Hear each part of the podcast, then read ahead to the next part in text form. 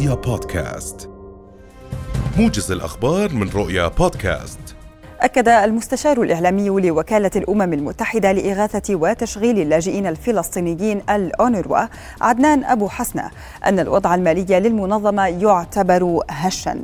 وقال أبو حسنة لرؤيا اليوم إن المنظمة حصلت على تعهدات جديدة بقيمة 107 ملايين دولار مقسمة على عدة سنوات وأن ما حصلت عليه المنظمة قبل مؤتمر المانحين هي تعهدات قديمة مشيرا إلى أن الأونروا لديها القدرة على تغطية المصاريف والرواتب والخدمات حتى شهر آب المقبل.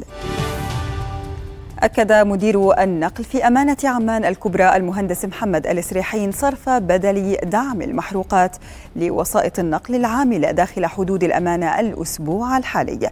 وأشار الإسريحين في تصريح صحفي إلى أن وسائط النقل العام داخل حدود أمانة عمان تتوزع بين 11 ألف مركبة تاكسي وثلاثة آلاف سرفيس ومئتي حافلة متوسطة. لافتا إلى وجود تنسيق وتفاهم على اتفاقية لغاية إصدار بطاقات الدعم التي سيتم شحنها بداية كل شهر ولمدة ثلاثة أشهر من خلال المحطات المعتمدة والمؤتمتة داخل حدود أمانة عمان. اقتحم عشرات المستوطنين اليوم باحات المسجد الأقصى المبارك الحرم القدسي الشريف وفق ما ذكرت وكالة الأنباء الفلسطينية وقالت دائرة الأوقاف الإسلامية في القدس إن الاقتحامات نفذت من جهة باب المغاربة وسط حماية مشددة من شرطة الاحتلال الإسرائيلي وقام المستوطنون بجولات مشبوهة وأدوا طقوسا تلمودية استفزازية في باحاته وسط حالة من الغضب والغليان سادت المكان. دعت وزارة الخارجية السعودية اليوم طرفي الصراع في السودان إلى الاتفاق على وقف إطلاق نار جديد وتنفيذه بشكل فعال بهدف بناء وقف دائم للعمليات العسكرية. وقالت وزارة الخارجية السعودية إن وفدي القوات المسلحة وقوات الدعم السريع موجودان في مدينة جدة رغم تعليق المحادثات وانتهاء وقف إطلاق النار لمدة خمسة أيام. وأكدت أن السعودية والولايات المتحدة حريصتان على استمرار المحادثات مع وفدي التفاوض حيث تركزت المحادثات على سبل تسهيل المساعدات الإنسانية والتوصل إلى اتفاق بشأن خطوات على المدى القريب ينبغي للطرفين اتخاذها قبل استئناف محادثات جدة.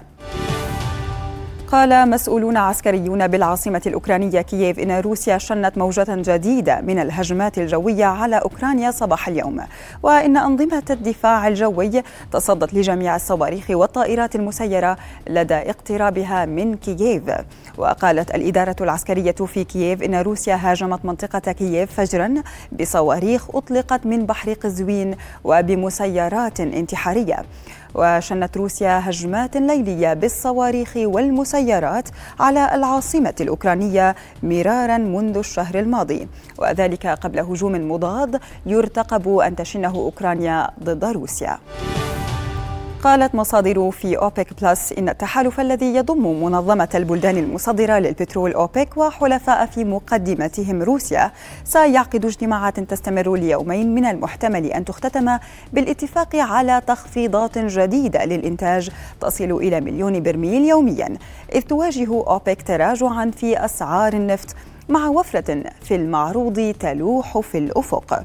ويضخ أوبك بلس نحو 40% من الإنتاج العالمي مما يعني أن لقراراته تأثيرا كبيرا على أسعار النفط. وإذا تم الاتفاق على خفض الإنتاج فسوف يرتفع إجمالي تخفيضات الإنتاج إلى أربعة ملايين وستمائة وستين ألف برميل يوميا أو نحو أربعة بالمئة فاصلة خمسة عشر من الطلب العالمي.